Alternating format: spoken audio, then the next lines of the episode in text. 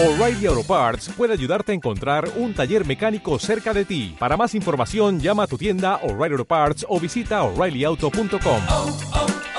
O'Reilly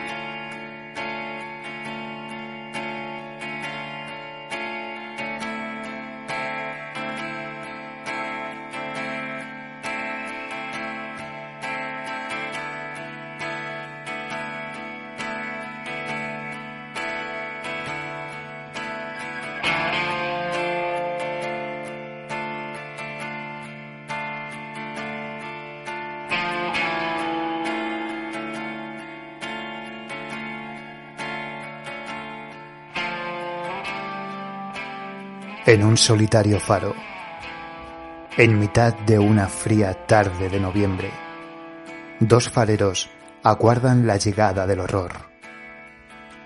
Un horror de otro tiempo. ¿Qué es lo que busca? ¿Qué es lo que pretende?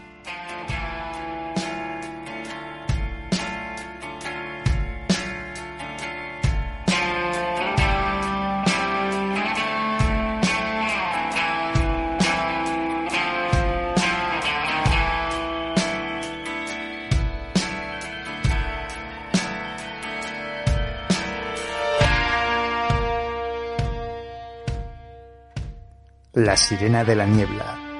Una breve pero profunda historia sobre la soledad, escrita por Ray Bradbury y publicada el 23 de junio de 1951 en el Saturday Evening Post e incluida más tarde en su primera colección de relatos, Las Doradas Manzanas del Sol, en 1953.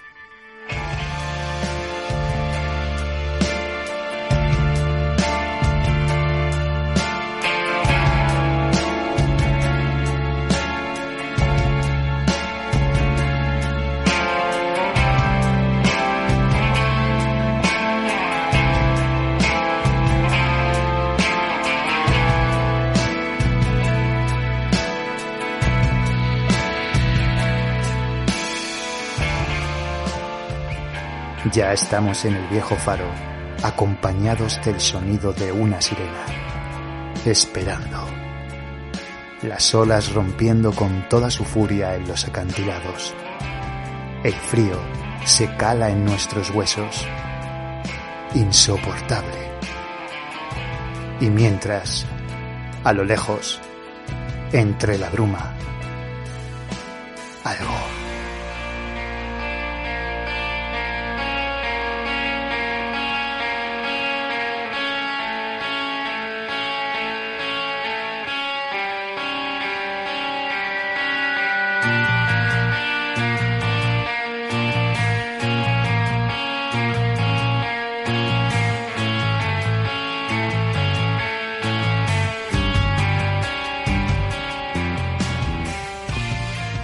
Miedoteca. La sirena de la niebla de Ray Bradbury.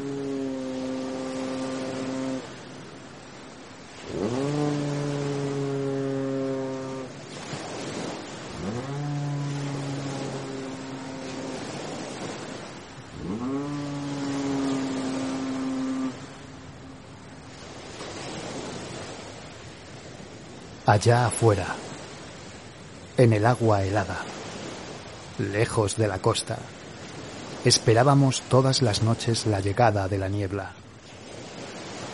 Y llegó. Y aceitamos la maquinaria de bronce y encendimos el faro de niebla en lo alto de la torre.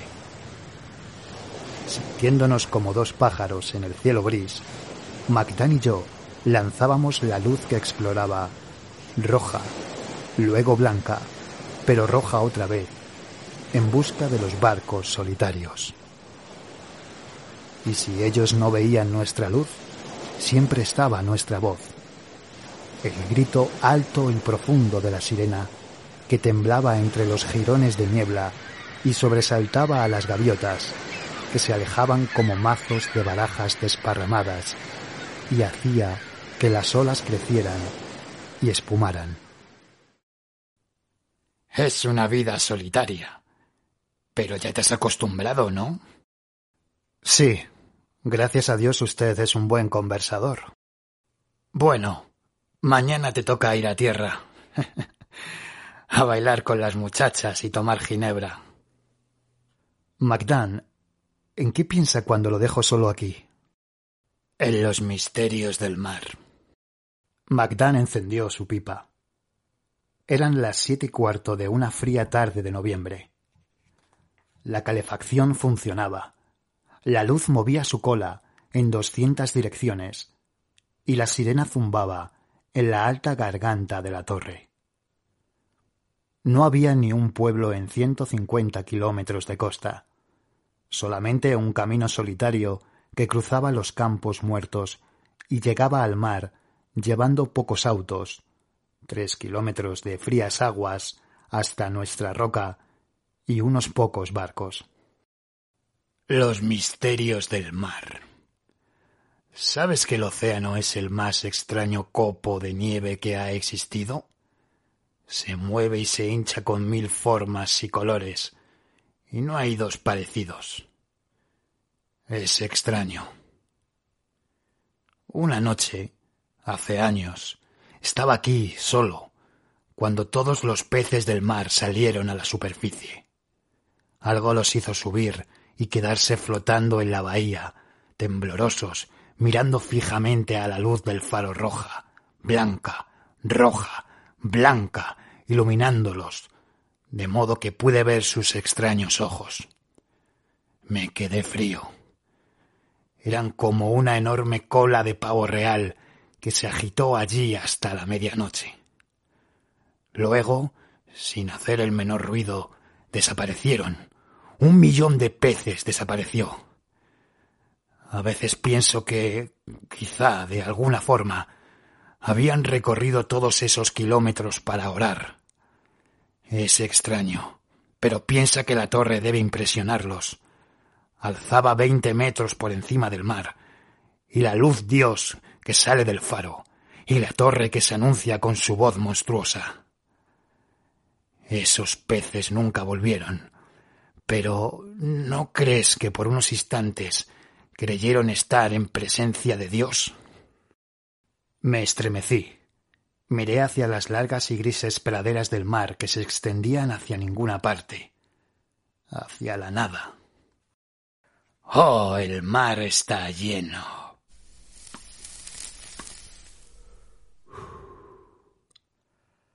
A pesar de todas nuestras máquinas y los llamados submarinos, pasarán diez mil siglos antes de que pisemos realmente el fondo de las tierras sumergidas el reino de las hadas que hay allí y conozcamos el verdadero terror.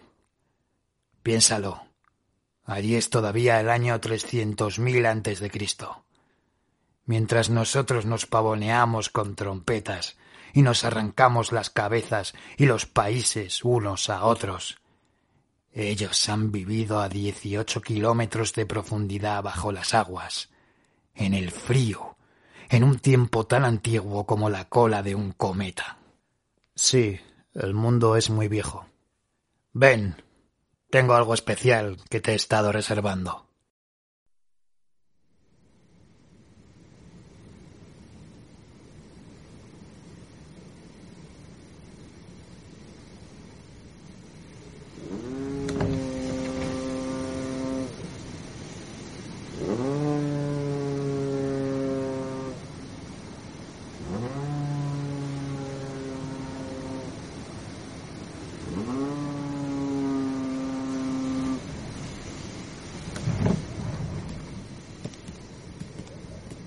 Subimos los ochenta escalones, hablando y tomándonos nuestro tiempo.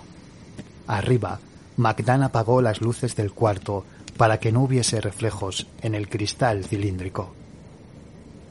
El gran ojo de luz zumbaba y giraba suavemente sobre sus cojinetes aceitados. La sirena gritaba regularmente una vez cada quince segundos. Parece un animal, ¿no es cierto? Un enorme animal solitario que grita en la noche, sentado aquí al borde de diez millones de años y llamando al abismo. Estoy aquí, estoy aquí, estoy aquí. Y el abismo responde, sí, lo hace.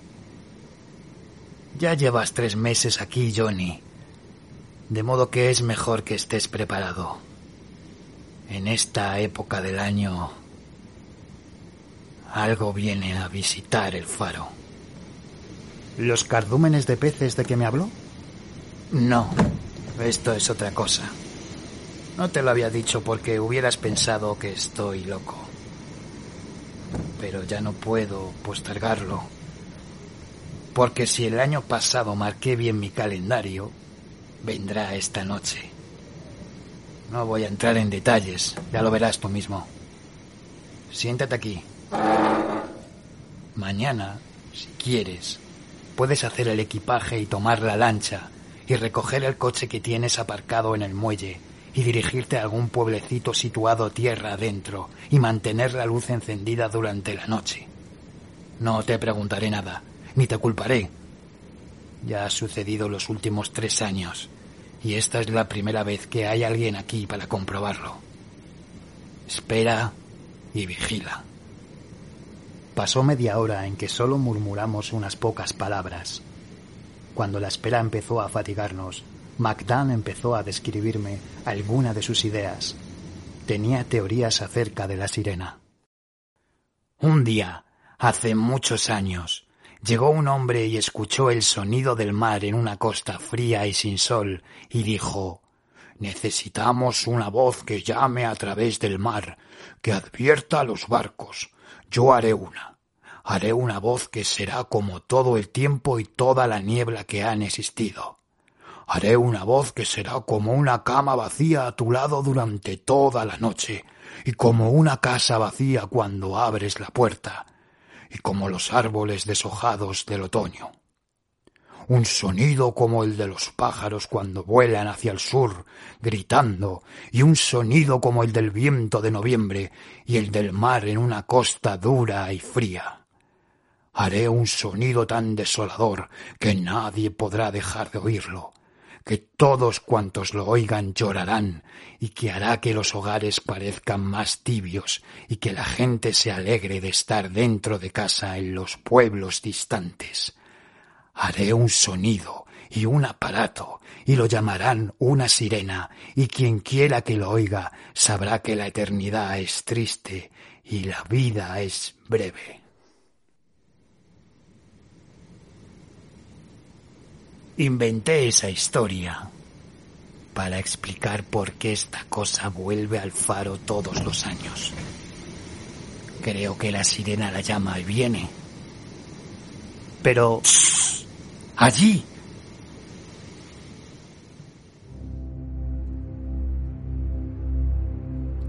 Algo venía nadando hacia el faro. Como ya dije, era una noche fría. La torre estaba fría. La luz iba y venía y la sirena llamaba y llamaba entre los hilos de niebla. Uno no podía ver muy lejos ni muy claro, pero allí estaba el mar profundo, viajando alrededor de la noche, plano y silencioso, del color del barro gris. Y aquí estábamos nosotros dos, solos en la alta torre.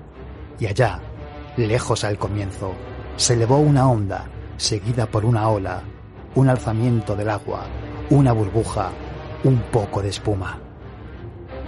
Y entonces, de la superficie del frío mar, surgió una cabeza, una enorme cabeza oscura, con ojos inmensos, y luego un cuello, y luego no un cuerpo, sino más y más cuello.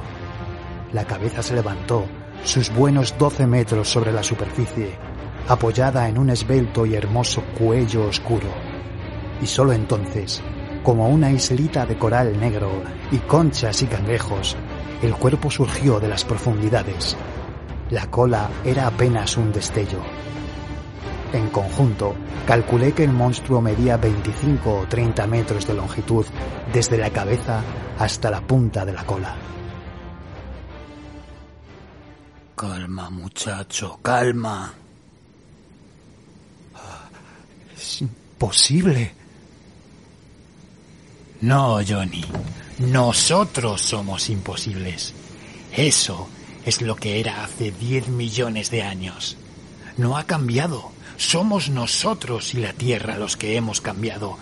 Lo que se ha vuelto imposible. Nosotros. Nadaba lentamente, grande, oscuro, majestuoso en las aguas heladas, a lo lejos. La niebla iba y venía a su alrededor y borraba su contorno. Uno de los ojos del monstruo recogió y reflejó y devolvió nuestra inmensa luz, roja, blanca, roja, blanca, como un disco elevado en el aire que enviase un mensaje en un código primitivo.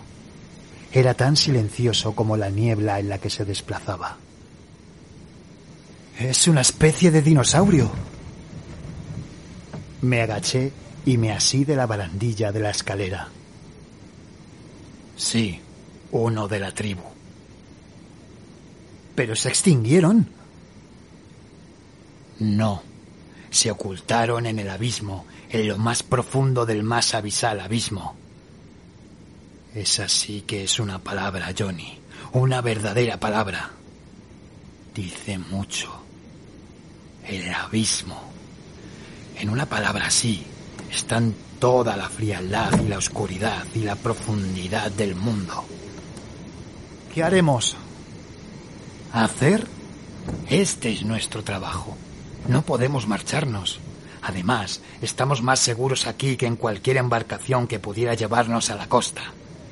Eso es tan grande como un destructor y casi tan veloz.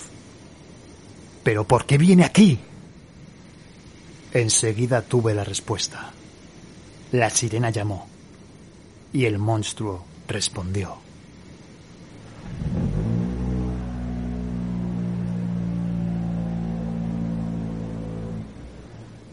Un grito atravesó un millón de años de agua y niebla. Un grito tan angustioso y solitario que tembló en mi cabeza y en mi cuerpo. El monstruo le gritó a la torre. La sirena sonó. El monstruo abrió su gran boca dentada y el sonido que salió de allí era el mismo sonido de la sirena, solitario y vasto y lejano. El sonido de la desolación, de un mar ciego, de una noche fría, del aislamiento. Así era el sonido. Ahora, ¿comprendes por qué viene aquí? Durante todo el año, Johnny, ese pobre monstruo yace a lo lejos, mil kilómetros mar adentro y a treinta kilómetros de profundidad, quizá, soportando el paso del tiempo. Quizá esta criatura tenga un millón de años. Piensa, esperar un millón de años. ¿Podrías esperar tanto? Quizá es el último de su especie. Debe de ser eso. En cualquier caso, vienen unos hombres de la Tierra y construyen este faro hace cinco años. E instalan la sirena y la hacen llamar y llamar y llamar hacia el lugar donde tú estabas, enterrado en el sueño y el mar, en los recuerdos de un mundo donde había miles como tú. Pero ahora estás solo, totalmente solo, en un mundo que no está hecho para ti, un mundo donde tienes que ocultarte. Pero el sonido de la sirena viene y se va, viene y se va, viene y se va, y te estremeces en el barroso fondo del abismo, y tus ojos se abren como tus lentes de una cámara de 50 centímetros, y te mueves lenta, muy lentamente, porque tienes todo el peso del océano en tus hombros, y es pesado, Pero la sirena llega a través de miles de kilómetros de agua, débil y familiar, y la caldera que hay en tu vientre gana presión y empiezas a subir despacio, despacio. Te alimentas de bancos de bacalao y abadejos, de ríos de medusas y te elevas lentamente durante el otoño, en septiembre, cuando comienzan las nieblas, en octubre, cuando hay más niebla aún, y la sirena sigue llamándote, y luego, a fines de noviembre, después de adaptarte al cambio de presión día tras día, ganando unos pocos metros cada hora, estás cerca de la superficie y aún estás vivo. Tienes que ir despacio. Si te apresuras, estallas. De modo que necesitas tres meses para llegar a la superficie y luego unos cuantos días para nadar por las frías aguas hasta el faro. Y allí estás, allá afuera, en la noche, Johnny. Eres el más grande de los monstruos de la creación. Y aquí está el faro, llamándote, con un cuello largo como el tuyo, saliendo del mar, y un cuerpo como tu cuerpo. Y eso es lo más importante. Una voz como la tuya. ¿Comprendes ahora, Johnny? ¿Comprendes? La sirena llamó.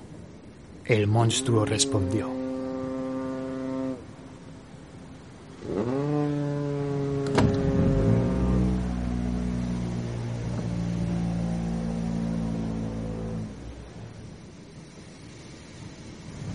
Lo vi todo, lo supe todo. El millón de solitarios años aguardando la vuelta de alguien que no volvió nunca. El millón de años de aislamiento en el fondo del mar. La locura que era el tiempo allí, mientras los cielos se limpiaban de pájaros, reptiles, las marismas se saneaban en los continentes, los perezosos y los tigres dientes de sable eran tragados por pozos de alquitrán, y los hombres corrían como hormigas blancas por las colinas. La sirena llamó.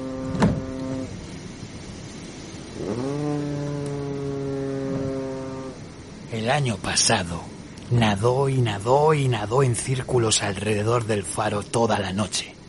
No se acercó mucho. Quizá estaba desconcertado. Quizá tenía miedo. Y estaba un poco enfadado después de un viaje tan largo. Pero al día siguiente la niebla se levantó inesperadamente. Salió el sol y el cielo estaba azul como en un cuadro. Y el monstruo se alejó del calor y el silencio y no volvió. Supongo que ha estado pensando en eso todo el año, pensándolo desde todos los puntos de vista posibles. El monstruo estaba a cien metros ahora. Él y la sirena intercambiaban gritos. Cuando la luz caía sobre ellos, los ojos del monstruo eran fuego y hielo, fuego y hielo. Así es la vida. Siempre hay alguien aguardando a alguien que nunca vuelve. Siempre hay alguien que quiere a algo que no le quiere. Después de un tiempo quieres destruir a ese otro, sea quien sea, para que no pueda herirte más. El monstruo se acercaba velozmente al faro. La sirena llamó. Veamos qué ocurre. En el minuto siguiente, el silencio fue tan intenso que podíamos oír los latidos de nuestros corazones contra los cristales de la torre. Podíamos oír el lento movimiento aceitado de la luz. El monstruo se detuvo y quedó inmóvil. Sus grandes ojos de linterna parpadearon. Su boca se abrió. Emitió una especie de ruido sordo, como el de un volcán. Torció la cabeza hacia uno y otro lado, como si estuviera buscando los sonidos que se habían perdido en la niebla. Escudriñó el faro. Emitió nuevamente el ruido sordo. Luego sus ojos se inflamaron. Se incorporó, azotando el agua, y se precipitó sobre la torre, sus ojos llenos de furia y dolor. Magdan, vuelva a conectar la sirena. Magdan buscó a tientas la llave, pero antes de que pudiera conectarla, el monstruo se había erguido. Vislumbré sus garras gigantescas con una brillante piel correosa entre los dedos, agarrando la torre. El enorme ojo que estaba a la derecha de su angustiada cabeza brilló ante mí como un caldero en el que podría haber caído, gritando. La torre se sacudió, la sirena gritó, el monstruo gritó, abrazó el faro y alañó los vidrios que cayeron hecho trizas sobre nosotros. ¡Abajo! La torre se balanceaba, se balanceaba y empezó a ceder. La sirena y el monstruo rugían. Trastabillados, casi caímos por la escalera. ¡Aprisa! Llegamos abajo cuando la torre ya se doblaba encima de nosotros. Nos metimos, pasando por debajo de la escalera, en el pequeño sótano de piedra. Hubo un millar de golpes mientras llovían piedras. La sirena se detuvo abruptamente. El monstruo se estrelló contra la torre. La torre cayó. Magdan y yo, arrodillados, nos alzamos con fuerza mientras nuestro mundo estallaba.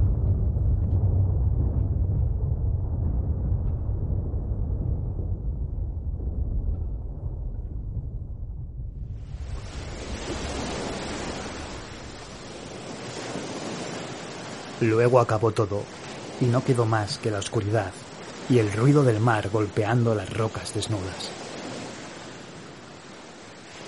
Eso y el otro sonido. Escucha. Escucha. Aguardamos un momento y luego comencé a oírlo.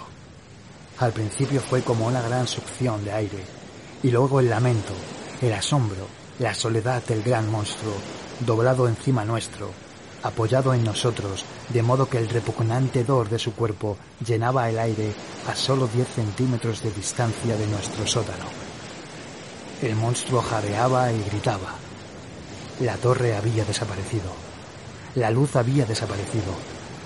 La cosa que lo había llamado a través de un millón de años había desaparecido. Y el monstruo abría su boca y emitía grandes sonidos. Los sonidos de una sirena, una y otra vez. Y los barcos en alta mar que no encontraban la luz, que no veían nada, pero que oían, deben de haber pensado, allí está, el sonido solitario, la sirena de la bahía de la soledad. Todo va bien, hemos doblado el cabo. Y todo siguió así durante el resto de la noche.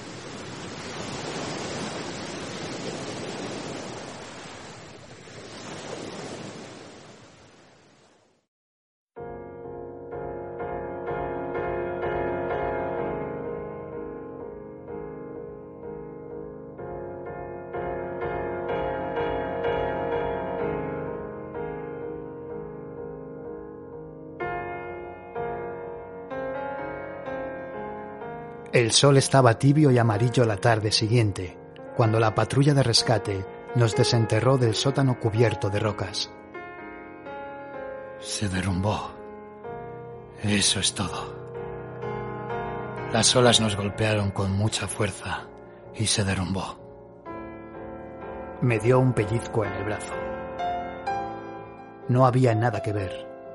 El océano estaba en calma, el cielo azul.